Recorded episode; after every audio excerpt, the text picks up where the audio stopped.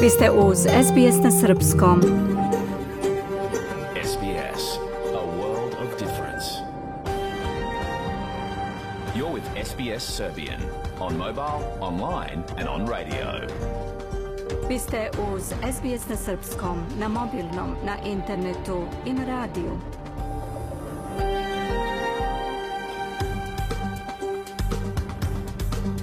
SBS odaje priznanje tradicionalnim vlasnicima zemlje sa koje danas emitujemo program na srpskom jeziku. Ovim izražavamo poštovanje prema narodu Ranger i Vojvorang, pripadnicima nacije Kulin i njihovim prošlim i sadašnjim starešinama. Također odajemo priznanje tradicionalnim vlasnicima zemlje iz svih aboriđinskih naroda i naroda sa ostrva iz Toresovog Moreuza, sa čije zemlje slušate naš program. Dobar dan, danas je ponedeljak 6. juni 2022.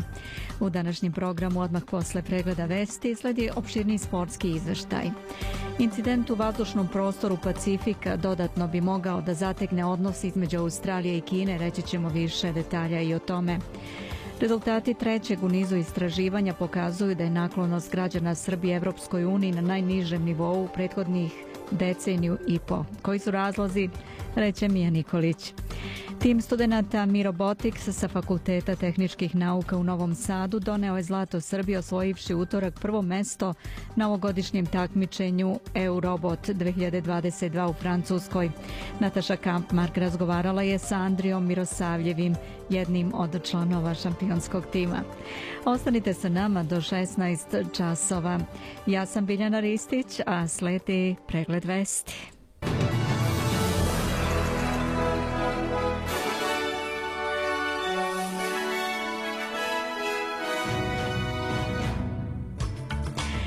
Premijeri i poslovna delegacija Australije doputovali u prestonicu Indoneziju oči razgovora na visokom nivou.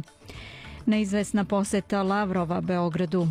Rafael Nadal po 14. put osvojio otvoreno prvenstvo Francuske.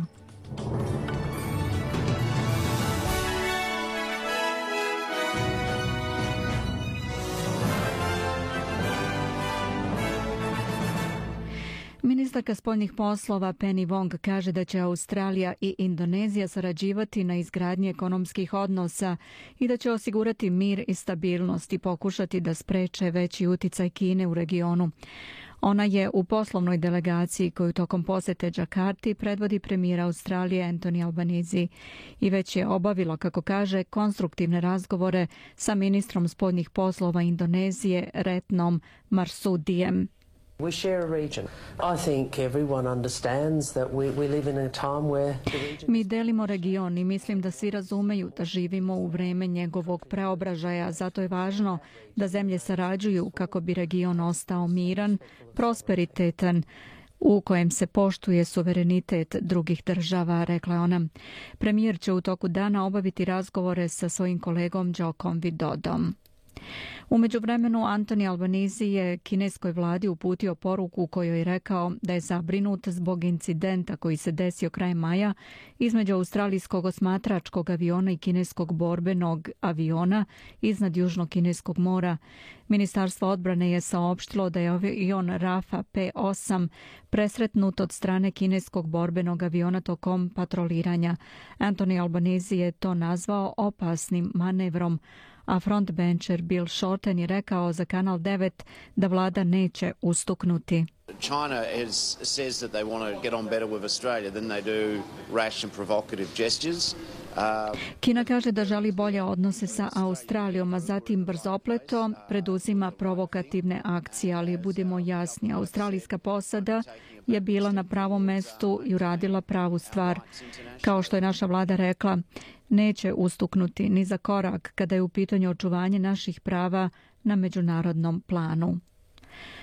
Lider nacionalne stranke David Little Proud kaže da promene u političkom vrhu koalicije predstavljaju smenu generacija, a ničiju diskreditaciju. Tokom reorganizacije kabineta koalicije u kabinet u Senci promovisani su među ostalima Andrew Hasty Kevin Hogan i Jane Hume, dok je frakcijski saveznik bivšeg premijera Morrisona Alex Hawke odstranjen iz isturenih redova. Također Dan Tejan i Stuart Robert dobili su znatno manji portfolio.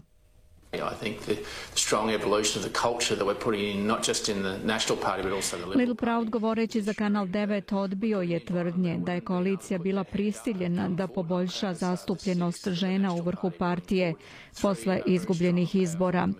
Ali laboristički ministar Bill Shorten je za isti kanal rekao da je koalicija problem zastupljenosti žena trebalo davno da reši. It's certainly progress, but I mean, why did the Liberal Party always expect a bunch of flowers for On kaže da je to progres i da ne razume zašto liberali očekuju da im neko pošalje cveće u znak zahvalnosti što su otkrili 21. vek. Očekuje se da će Rezervna banka Australije sutra povećati kamatne stope kako bi se izborila sa rastućom inflacijom. Ekonomisti očekuju da će kamate porasti između 25 i 40 procentnih poena. Prošlog meseca Rezervna banka je povećala kamate sa rekordno niskog nivoa 0,1 na 0,35 odsto. To je bilo prvo povećanje kamatnih stopa u periodu skoro od 10 godina. Postoje predviđanja da sledi još povećanja kamatnih stopa u narednim mesecima kako bi se odgovorilo na rastuće troškove domaćinstava. Ministarka za resurse Madeleine King kaže da vlada ne može mnogo učiniti u kratkom periodu kako bi odgovorila na rastuće cene energije. Cene gasa naglo su porasle zbog rata u Ukrajini i problema u lancu snabdevanja na što je nacionalni regulator odobrio oslobađanje veće količine gasa državama na istočnoj obali. Kad bi laboristička vlada donela odluku da se količine gasa namenjene izvozu povuku za domaću upotrebu, efekti bi se osjetili tek u januaru sljedeće godine. Ministarka King za ABC rekla da vodi razgovore sa nacionalnim kompanijama.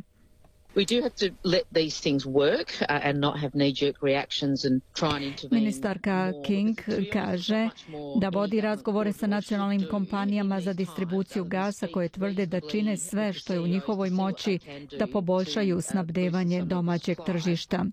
Ministar za klimatske promjene Chris Bowen u međuvremenu je sazvao sastanak državnih ministara za energetiku na kojem će se raspravljati o problemima snabdevanja. Vi slušate SBS na srpskom pregled vesti. Savjetnik ukrajinskog predsjednika Mihajlo Podoljak izjavio je u intervju za opozicioni ruski portal Medusa da bi se rat s Rusijom mogao produžiti dva do šest mjeseci, prenosi Hina. Mirovnih pregovora bi moglo biti samo kad bi se situacija na terenu promenila i kad Rusija više ne bude smatrala da može diktirati uslove, rekao je on. U međuvremenu, ukrajinski ministar spoljnih poslova Dmitro Kuleba osudio je francuskog predsjednika Emanuela Macrona koji je prethodno pozvao svetske sile da ne ponižavaju ruskog predsjednika Vladimira Putina u Ukrajini kako bi sačuvali šanse za diplomatsko rješenje sukoba. Macron je redovno razgovarao sa Putinom od invazije u sklopu napora da se postigne prekid vatre i započnu kredibilni pregovori između Kine i Kijeva. Kijeva i Moskve, izvinjam se. Francuska je podržala Ukrajinu vojno i financijski, ali Macron do sada nije bio u Kijevu da ponudi simboličnu političku podršku kao drugi lideri Evropske unije, što je nešto što je Ukrajina želela da on ugradi. Macron je rekao da nije isključio posetu. Rat u Ukrajini ulazi u 103. dan. Baraž ruskih raketa pogodio je juče glavni grad Ukrajine Kijev, a na meti je bila infrastruktura, javio je gradonačelnik Kijeva Vitali Kličko. Ruske snage su nastavile akcije u istočnoj Ukrajini gdje su izvedeni raketni i vazdušni napadi na gradove i sela u regionu Luganska. Ukrajinske vlasti saopštile su da njihove snage kontrolišu polovinu grada se Verodonjecka na istoku zemlje gdje se trenutno vode žestoke borbe. Putin kaže da će iako Kijev dobije rakete dugog dometa Moskva gađati ciljeve koje nije do sada gađala.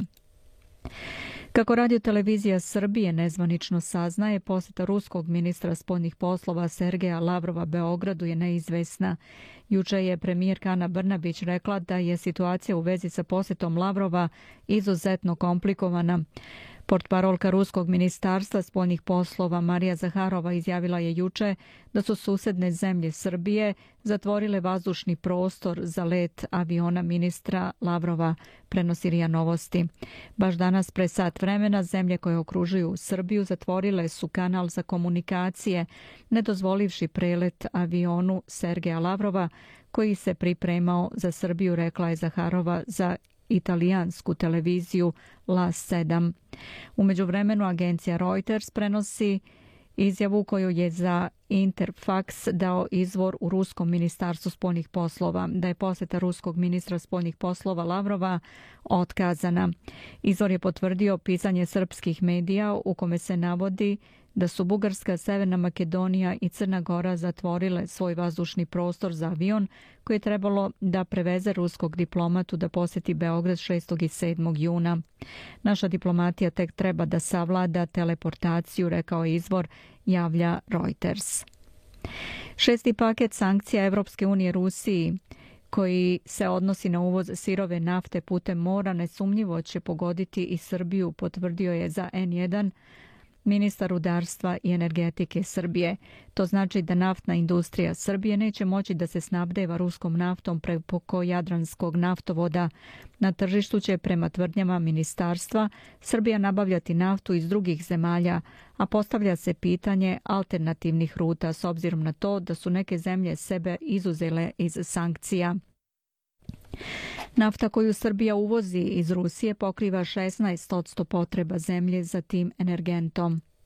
Šesti paket sankcija je stupio na snagu, a dejstvo će mu biti poznato za šest meseci kada je reč o sirovoj ruskoj nafti, a za osam u domenu naftnih derivata.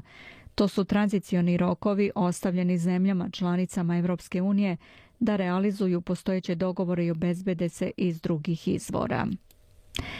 Nemački ambasador u Srbiji Tomas Šib izjavio je da je ključna poruka nemačkog kancelara Olafa Šolca koji planira da od 10. juna poseti Srbiju i region pokazivanje značaja Srbije i Zapadnog Balkana. Šib je u vezi s odnosom prema Rusijom rekao da se Srbija kao pristupni kandidat obavezala da se priključi spoljnoj politici Evropske unije, uključujući i odlukama o uvođenju sankcija. Srbija se već priključila sankcijama protiv Belorusije i podržala je odluke Generalne skupštine Ujedinjenih nacija u pogledu napadačkog rata protiv Ukrajine kojim se krši međunarodno pravo. To su bili značajni koraci. Sada je bitno da se preduzimaju i drugi stavovi Evropske unije, dodao je ambasador. Upitan o radu nemačkih kompanija u Srbiji, da li se može očekivati da se to nastavi imajući u vidu trenutne političke okolnosti, ambasador Šib je rekao da iz svojih razgovora sa preduzetnicima iz Nemačke zna da pomno prate stav Srbije i njenu političku i ekonomsku orijentaciju. Patrijarh Srpski Porfirije uručio je juče na zajedničkoj liturgiji u Beogradu arhijepiskopu Stefanu Tomos, zvanični dokument kojim Srpska pravoslavna crkva dodeljuje autokefalni status Makedonskoj pravoslavnoj crkvi Ohridskoj arhiepiskopiji. On je naveo da će dokument poslati i ostalim pravoslavnim crkvama, podsjetivši da je na nedavnoj zajedničkoj liturgiji u Skoplju objavio da je Sabor Srpske pravoslavne crkve dodelio status pune samostalnosti Makedonskoj pravoslavnoj crkvi Ohridskoj arhiepiskopiji. Arhijepiskop Stefan je nakon što mu je uručen Tomos rekao da su patrijarh Porfirije i sabor Srpske pravoslavne crkve načinili korak od istorijskog značaja za Makedonsku crkvu i celo pravoslavlje. Da pogledamo i kolika je vrednost australijskog dolara danas. Prema američkom vredi 72 centa. 67 eurocenti, 58 britanskih penija i 78 srpskih dinara 93 pare. Na kraju ovog bloka da pogledamo i vremensku prognozu za ovo popodne. Mestimično je oblačno u Pertu 18 stepeni, pljuskovi u Adelaidu 14 Melbourne pljusak 2 u toku popodneva 13, u Hobartu pljuskovi 11, postepeni prestanak padavina u Kamberi 9. Vetrovito je i pretežno sunčano u Sidneju sa 17 stepeni. Povremena kiša u Brisbaneu 20. Darwin pretežno oblačno 32 stepena. U Srbiji se danas očekuje toplo i nestabilno vreme sa lokalnom pojavom kratkotrajnih vremenskih nepogoda. Jutarnja temperatura 14 do 20, najviša dnevna 31. Čuli ste pregled vesti SBS radija na srpskom jeziku. Za sve najnovije posetite sbs.com.au kosacrta news.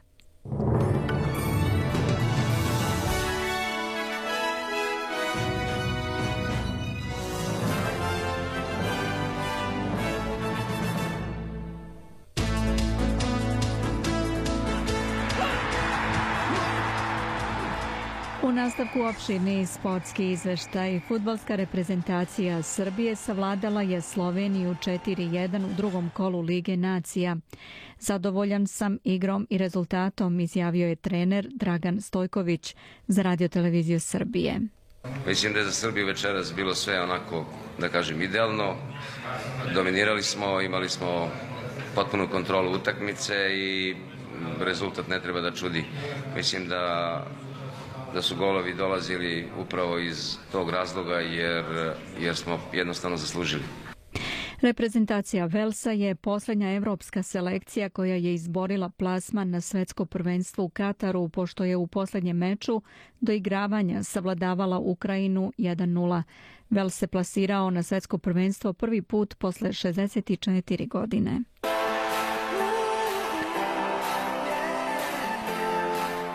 U okviru EFL lige ekipa Fremantle zabeležila još jednu pobedu nad Brisbaneom juče u Pertu. Posle uspešne sedmice Melbourne je zabeležio prvi poraz tokom sezone. Sidnejska ekipa je bila jača i na kraju povela sa 13 pojena.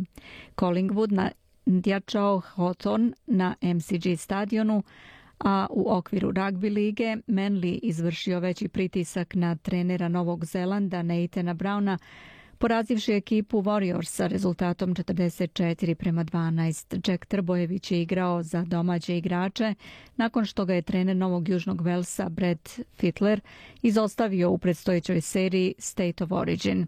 Ovo je sedmi poraz za Warriors u posljednjih osam utakmica, a tim je pao na 14. poziciju na lestvici. Vaterpolo. Vaterpolisti Novog Beograda nisu uspjeli da osvoje titulu prvaka Europe. Novobeograđani su poraženi od proreka posle peteraca u regularnom delu utakmice rezultat je bio 13-13, dok je nakon penala italijanski gigant triumfovao 17-16. Novi Beograd ove sezone osvojio je regionalnu ligu i šampionat Srbije. Vaterpolisti Ferenc Varoša osvojili su bronzanu medalju u borbi za treće mesto. Prvak Mađarske je savladao Brešu 14-12. Španski teniser Rafael Nadal ponovo je osvojio Roland Garros, što mu je 14. titula na Grand Slamu u Parizu.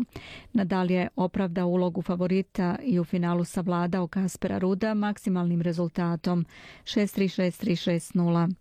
Teniser sa Salvadora Marcelo Arevalo i holandjanin Jean-Julien Royer osvojili su titulu u konkurenciji parova na Roland Garrosu pobedivši u finalu hrvatsko-američki par Ivan Dodik i Austin Krajiček sa 2-1.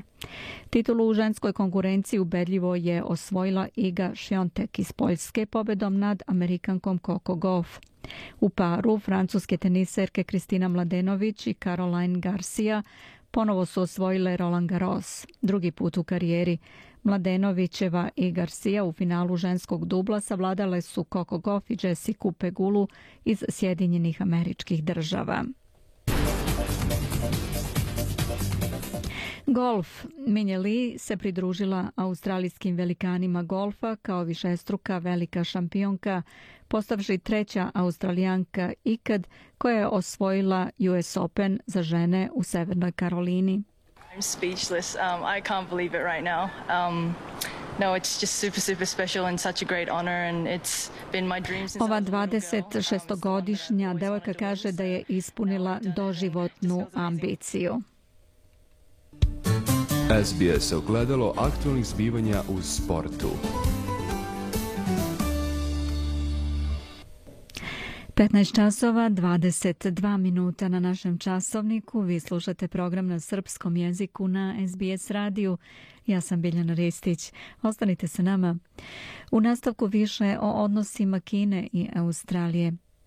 Posljedice incidenata u kojima su učestvovali australijski nadzorni avion i kineski borbeni avion prete da se ponovo podignu tenzije između dve zemlje.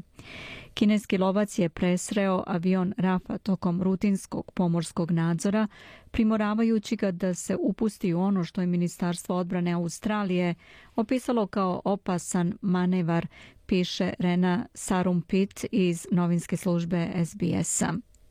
Samo dve nedelje od stupanja na vlast laburistička vlada je dobila neugodan podsjetnik na međunarodne izazove sa kojima se suočava, posebno kada je u pitanju odnos sa Kinom.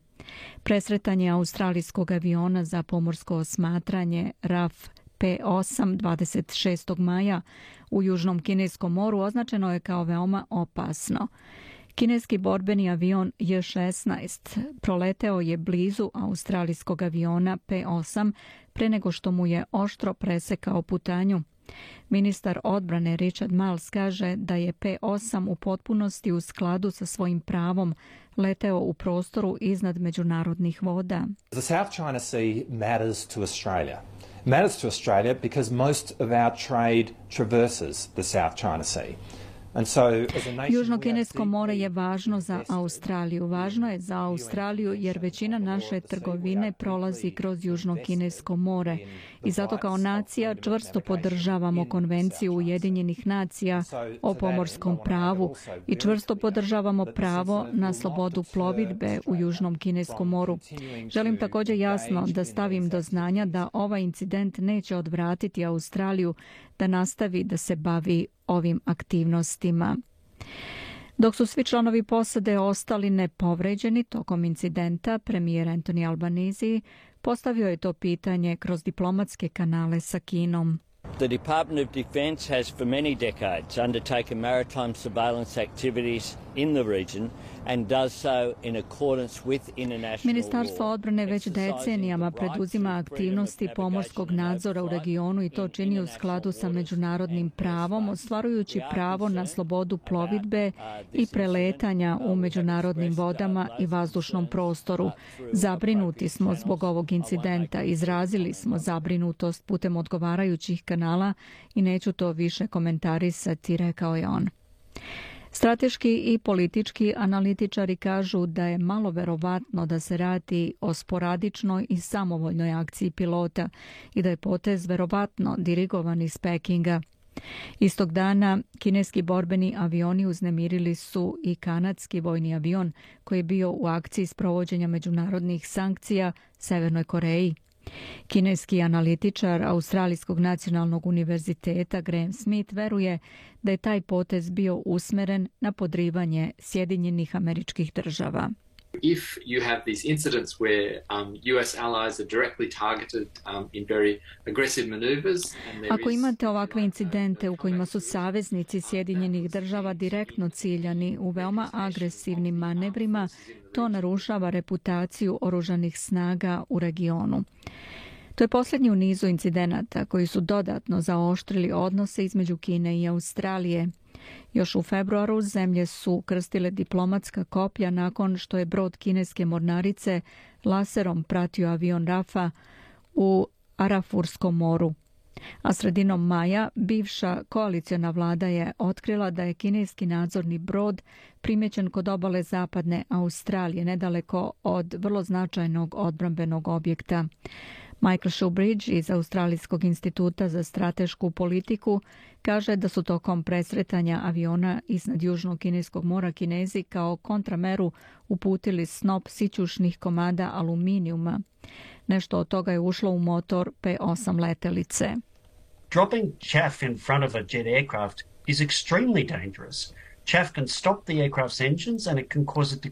Ispaljivanje aluminijumske pleve ispred mlaznog aviona je izuzetno opasno. Pleva može da zaustavi motore letelice i može da izazove njen pad. Incident sa kanadskim avionom koji se desio istog dana i ovaj protiv australijskog P-8 aviona grafički pokazuju zašto je omogućavanje kineskoj vojsci da rutinski i lakše deluje u Južnom Pacifiku. Znamo da Peking to želi i ono što gospodin Sagabara u Solomonima radi je loša vest za Južni Pacifik, jer ova agresija koju vidimo je obezbeđivanje bezbednosti u Pacifiku na kineski vojni način, kaže on. Niz incidenata se poklapa sa pristupom kineskog ministra spoljnih poslova koji govori o onome što on naziva resetovanjem odnosa sa Australijom. Wang je kaže da ne postoji autopilotski režim za poboljšanje odnosa između dve zemlje i da su potrebne konkretne akcije.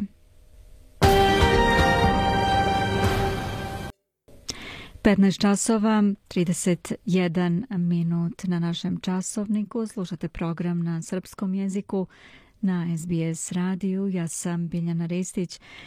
Nastavljamo jednom temom iz domena socijalne zaštite. Laboristička vlada je obećala da će ukinuti obaveznu bezgotovinsku debitnu karticu nakon što je u vrlo kritički nastrojenom novom izveštaju utvrđeno da prethodna vlada nije pružila dokaze da je program bio efikasan. Neke grupe za socijalnu dobrobit već pozdravljaju tu najavu rekavši da program cilja autohtone zajednice i da je mnogima onemogućena kupovina osnovnih stvari za život, piše Krišni Danji za SBS News. Taj prilog pripremio je Zoran Subić. Da čujemo. Hana, kojoj to nije pravo ime, je samohrana majka koja posjeduje bankovnu karticu bez novca – Ona je na to bila naterana dok je živala u Kalgurliju i dobijala socijalnu pomoć preko Centrelinka. Svako na bilo kojoj socijalnoj pomoći u Kalgurliju mora da ima ovu karticu. Nema veze koji je oblik pomoći, morate to imati. Nemate izbora. Njena čerka od pet godina ima fizički i intelektualni invaliditet – Vremenom se preselila na Sunshine Coast. Iako se preselila 4000 km daleko, u oblast u kojoj ne postoji ova proba kartice i dalje je zaglavljena u tom programu. To je dodatno povećalo poteškoće za nabavku osnovnih dobara i pristup opremi za njenu čerku, uključujući i specijalnu obuću. Ove koje sada posjeduje su me koštale 340 dolara, jer su prave ortopedske cipele, ali one koje su korišćene mogu da se nađu ispod 100 dolara, nekada i ispod 50 dolara. Ova kartica sprečava korisnike da podignu gotovinu – Razlog je taj da bi se ljudi sprečili da kupuju drogu ili da se kockaju, ali za Hanu to često znači da određeni predmeti nisu pokriveni nacionalnim osiguracionim planom invaliditeta. Izveštaj Australijske nacionalne kancelarije za proveru, koji je objavljen u četvrtak, a koji nije detaljan, je pokazao da prethodna koaliciona vlada nije pokazala da takva kartica uspešno funkcioniše – Izveštaj je pokazao da Odeljenje socijalnih usluga, koje vodi ovaj program, nije dokazalo da CDC program ispunjava namerene ciljeve i nije pokazalo ciljeve uspeha. Ministarka socijalnih usluga Amanda Rishford kaže da su dela vlade razočaravajuće. Nema dokaza koji sugestiraju da je ovo bilo efektivno. Ovo je bio trošak od 166 miliona dolara novca poreskih obveznika, a vlada čak nije postavila ni ciljeve i pravu procenu. Laburisti su obećali da će ukinuti ovaj program, ali ministarka Rishford kaže da razmatra opciju da se ljudi dobrovoljno uključe. Lokalno rešenje će biti od kritične važnosti za ovo, ali takođe ćemo razmotriti dobrovoljnu opciju za ljude. Znate, neki ljudi će možda hteti da nastave sa nekom podrškom menadžmenta prihoda. To ćemo sagledati. Želim da prođem kroz sve opcije.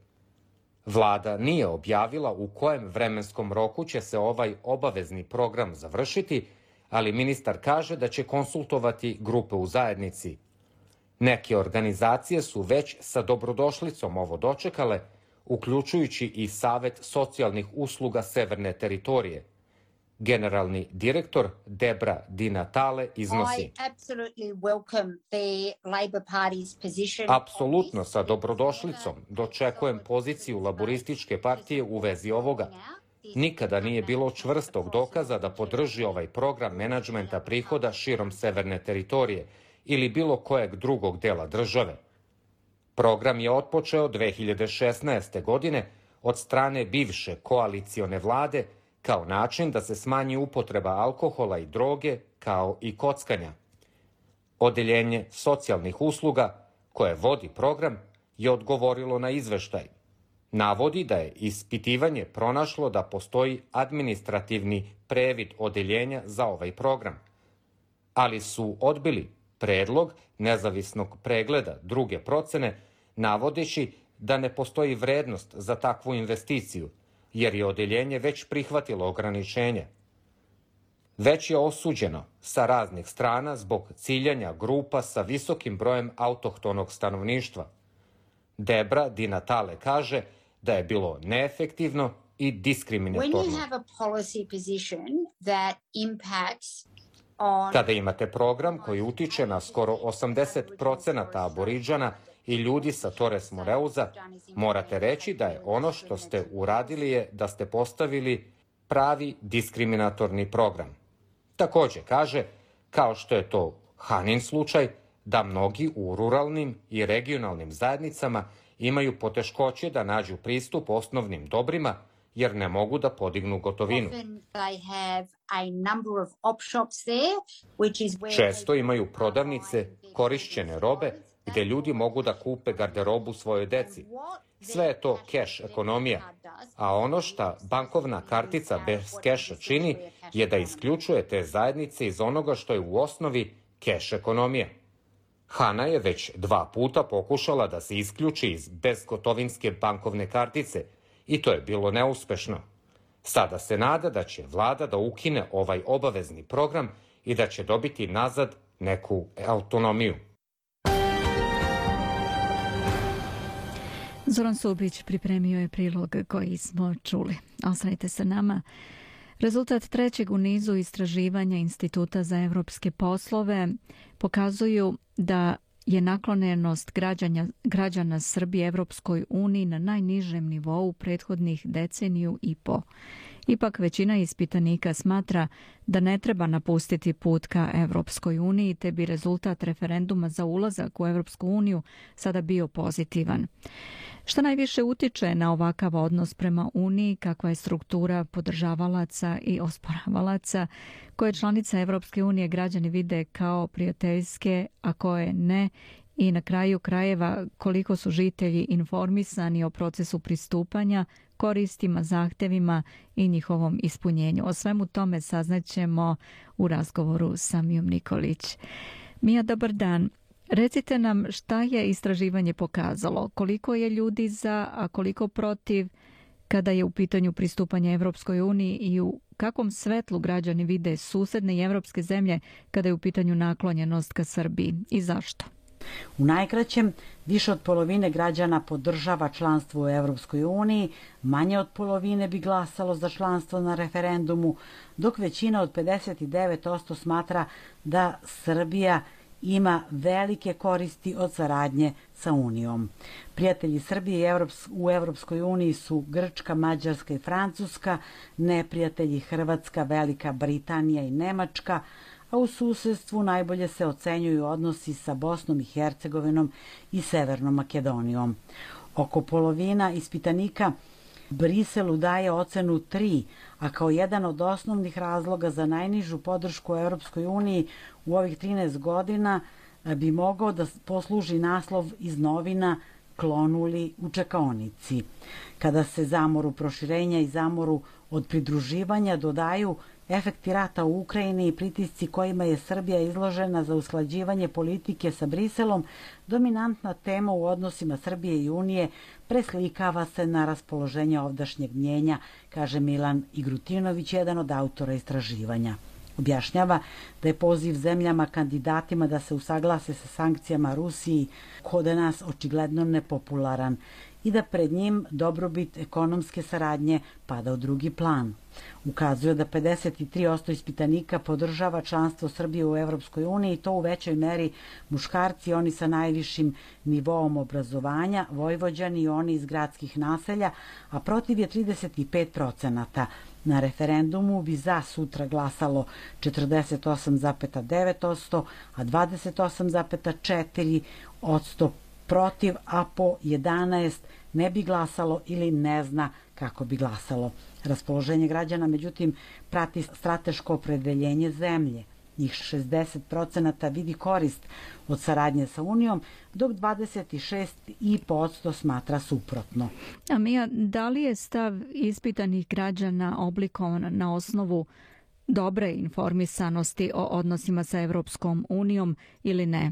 Autori istraživanja podsjećaju da su najveći spoljno-trgovinski partneri Srbije zemlje Evropske unije sa više od 60%, ali da naši građani imaju vrlo malo informacija o tome i o Uniji. Milena Lazarević iz Centra za evropske politike smatra da naši građani tek treba da čuju i od vlasti i od civilnog društva i od Evropske unije koje su prednosti koristi od pristupanja Uniji, ali i da treba sprovesti reforme kako bi do članstva došlo. Ističe i da bi Evropska unija morala da ponudi jasnu perspektivu članstva, možda čak i jasan datum, jer građani Srbije ne vide neposredne koristi u vezi sa tim i lakše se prepuštaju onim negativnim osjećanjima. Pozitivnim osjećanjima ne doprinosi ni projekat Evropske političke zajednice koji je najavio francuski predsednik namenjen zemljama koje nisu članice, uključujući i Zapadni Balkan. Lazarevićeva smatra da je ta ideja vezana za potrebu da se ove zemlje Istočne Evrope u što kraćem periodu politički vežu za Evropsku uniju, s obzirom da proces pristupanja Uniji može da potraje. Ističe da je Makronova poruka zemljama Zapadnog Balkana prilično jasna i nedvosmislena. On je naglasio da je Zapadni Balkan u veliko na putu ka članstvu i da se taj put mora nastaviti. Da, koji su još faktori uzeti u obzir tokom istraživanja? Da li su ispitanici odgovarali na pitanja o odnosima sa Rusijom? Istraživanje Instituta za evropske poslove bavilo se i odnosima Srbije i Rusije, viđenjem rata u Ukrajini, stavovima prema posetama i migracijama u Evropskoj uniji i Ruskoj federaciji, političkim prilikama u našoj zemlji. U odnosu na 2018. i 2019.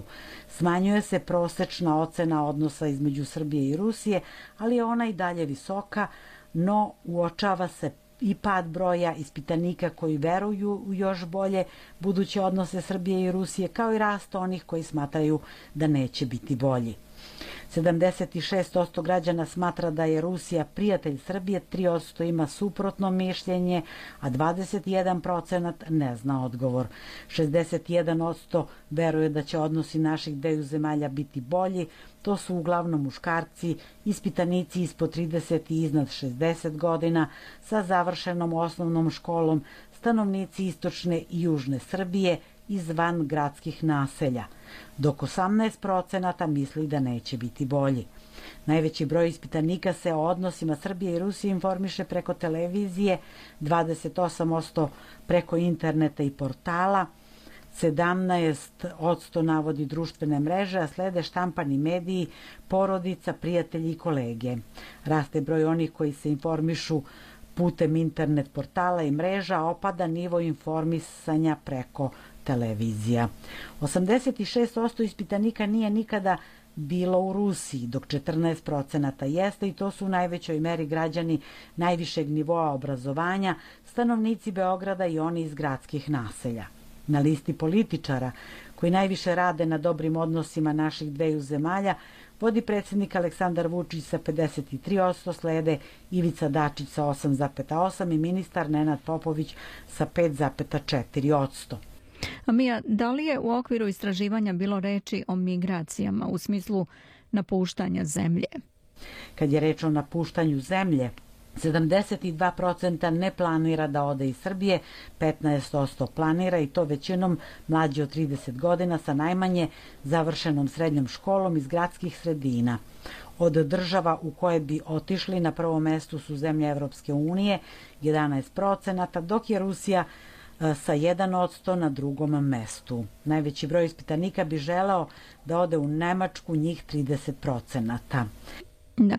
Kada je u pitanju finansiranje iz inostranstva, što ljudi misle odakle najviše financija dolazi u Srbiju? Da je Evropska unija najveći donator Srbije smatra 32%, potom Kina 25%, dok 12% misli da je to Rusija.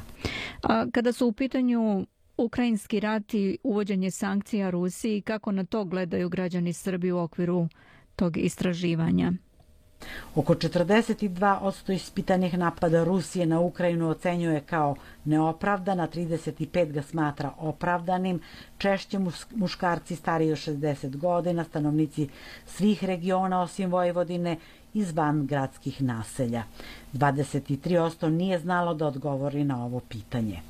Tri četvrtine, to je 76% smatra da Srbija ne bi trebala da se pridruži sankcijama Evropske unije protiv Rusije, češće muškarci stariji od 60 godina sa najnižim nivom obrazovanja iz e, zapadne Srbije i Šumadije, e, stanovnici ruralnih naselja.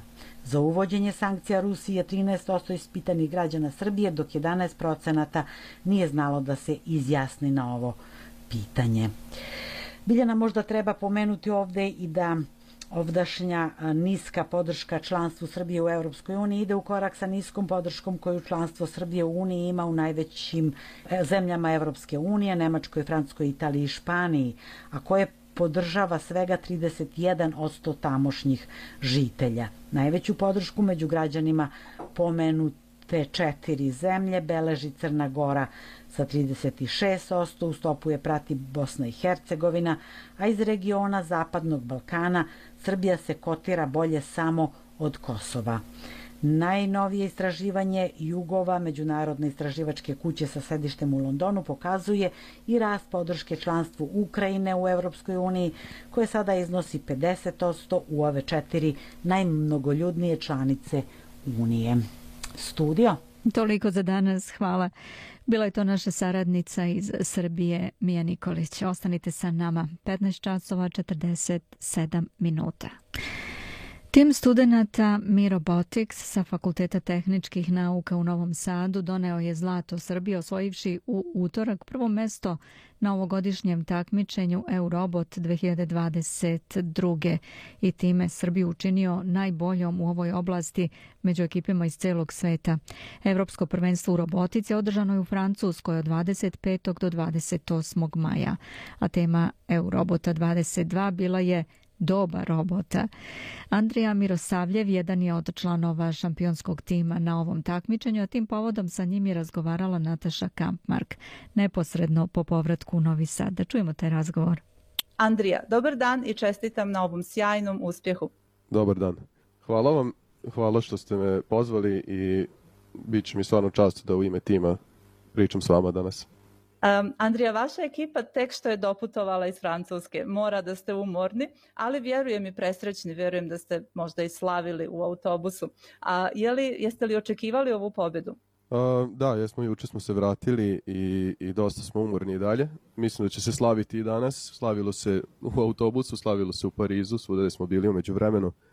Pobedu, pobedu očekivali smo, zavisi koga pitate, od članova tima neki su bili baš vrlo samouvereni od početka, neki ovaj, nisu baš ni o tome razmišljali, nego su samo radili jel, ka tom zajedničkom cilju. Uh, pobeda je došla kroz jako puno sati rada i, i snalažljivost u vrlo teškim situacijama pod puno pritiska i sa jako malo vremena. Da kažem, možda i jesmo očekivali. Znači da ste se dobro pripremili.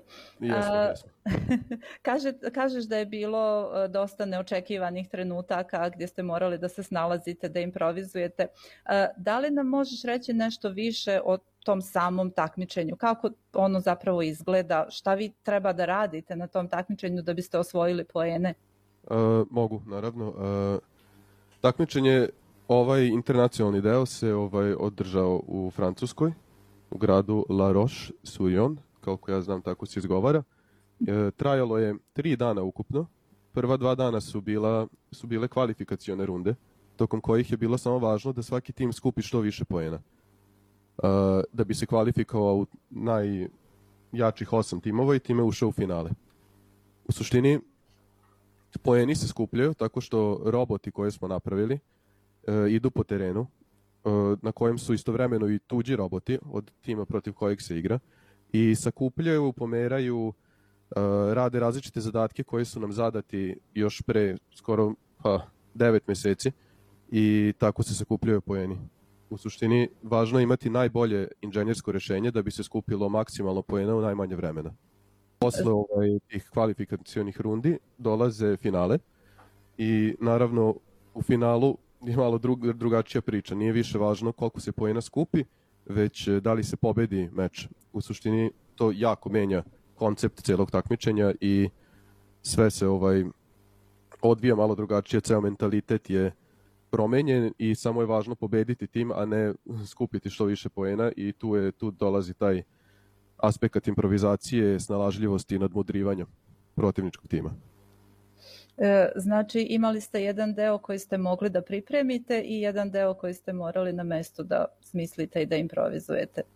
Uh, jeste, mada se odvija na istoj tabli i zadaci su isti, samo što se skroz drugačije ponašaju timovi koji, da kažem, upravljaju robotima koji su inače potpuno automatski, ali strategije koje se pišu uh, u programu i način na koji se pripremamo jeste, jeste različit, da. A, meni se iz svega što se rekao čini da je za tu šampionsku titulu bila ključna uigrana ekipa. Jel možeš da. da nam kažeš nešto više o toj ekipi, ko čini ekipu i kako ste se vi pripremali tih devet meseci kad ste dobili zadatak? Može. Ovaj, ekipu Mi Robotika, odnosno mi, samo kratko, ovaj, čine čine Aleksandar Lalić, Aleksandar Kičić, Slaven Petković i Teodor Marić, koji su malo stariji studenti master studija mehatronike na FTN-u u Novom Sadu. Srđana Postolović, Aleksa Stevanović, Stefan Mirković, Miloš Đudović i ja. Ovaj, mi smo malo mlađi i nismo još na master studijima, ali, ali da kažem, svi smo, svi smo u toj ekipi i spremamo se od oktobra prošle godine.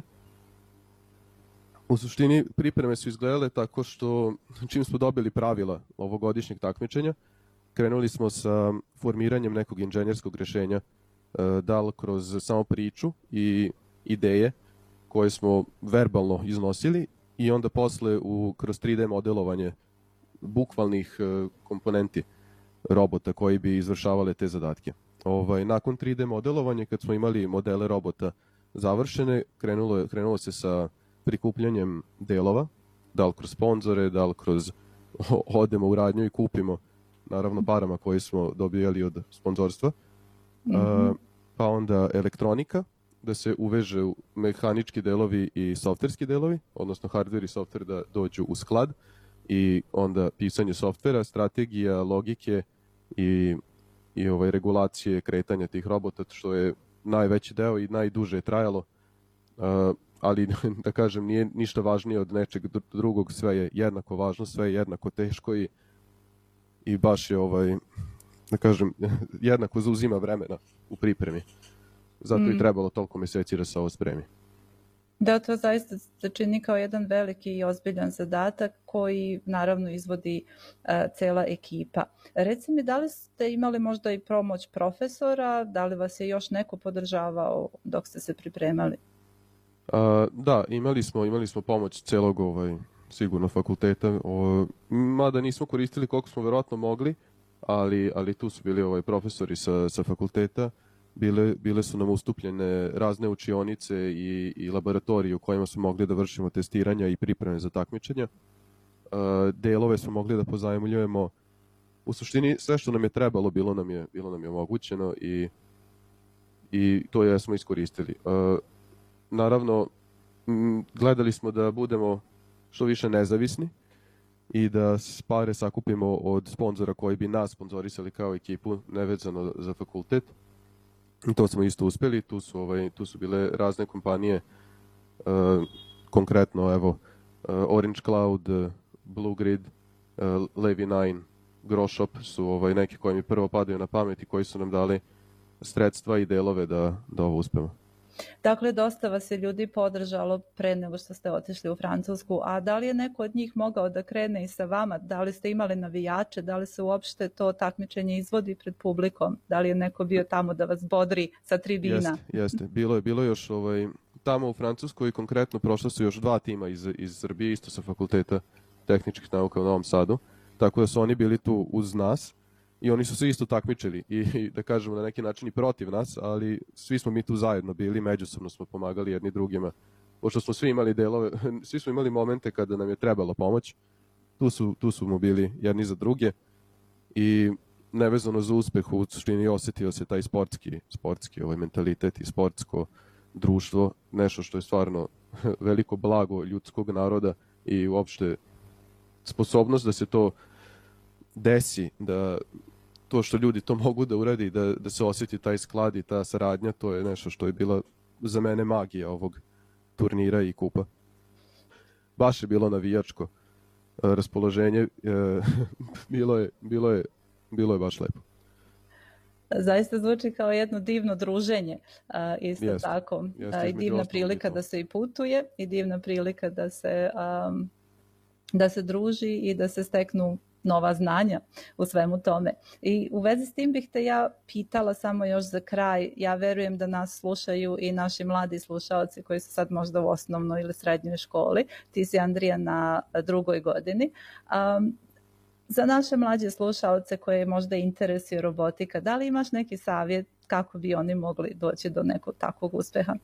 Pa da, imam, imam nešto što bih mogao da kažem. U suštini najvažnije je upoznati se sa što više ljudi, jer svako ima svoju priču, svako poznaje još nekoga i tako se može doći prosto u poziciju gde, gde se stvari ovakve mogu desiti. Ja, ja sam poznavao stvarno minimalan skup ljudi da bi mi se ovo ostvarilo i, i, i desilo se, ali nemojte biti zatvoreni sprem upoznavanja ljudi i mnoge stvari će, ovaj, će vam se desiti tako. Treba, budite otvoreni za saradnju, to je, to ja mislim, po meni najvažnije. Slažem se u potpunosti, mislim da je to pravi savjet za, za svakog uh, mladog budućeg robotičara. Uh, hvala ti puno, Andrija. A želim ti još mnogo, mnogo ovakvih i većih uspeha i hvala ti puno na ko vremenu koje si izdvojio da pričaš sa, sa nama. Hvala vama stvarno na, na, na ukažanoj šanci da se, se ovo ostvari uh, i veliko hvala u ime celog tima. Nataša Kampmark razgovarala sa Andrijom Mirosavljevim. Sljedeća emisija je sutra u 15 časova. Pridružite nam se. Ja sam Biljana Ristić. Doviđenja i prijatan dan.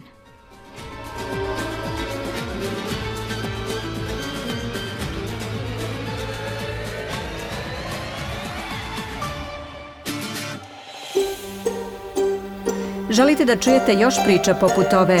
Slušajte nas na Apple Podcast, Google Podcast, Spotify ili odakle god slušate podcast.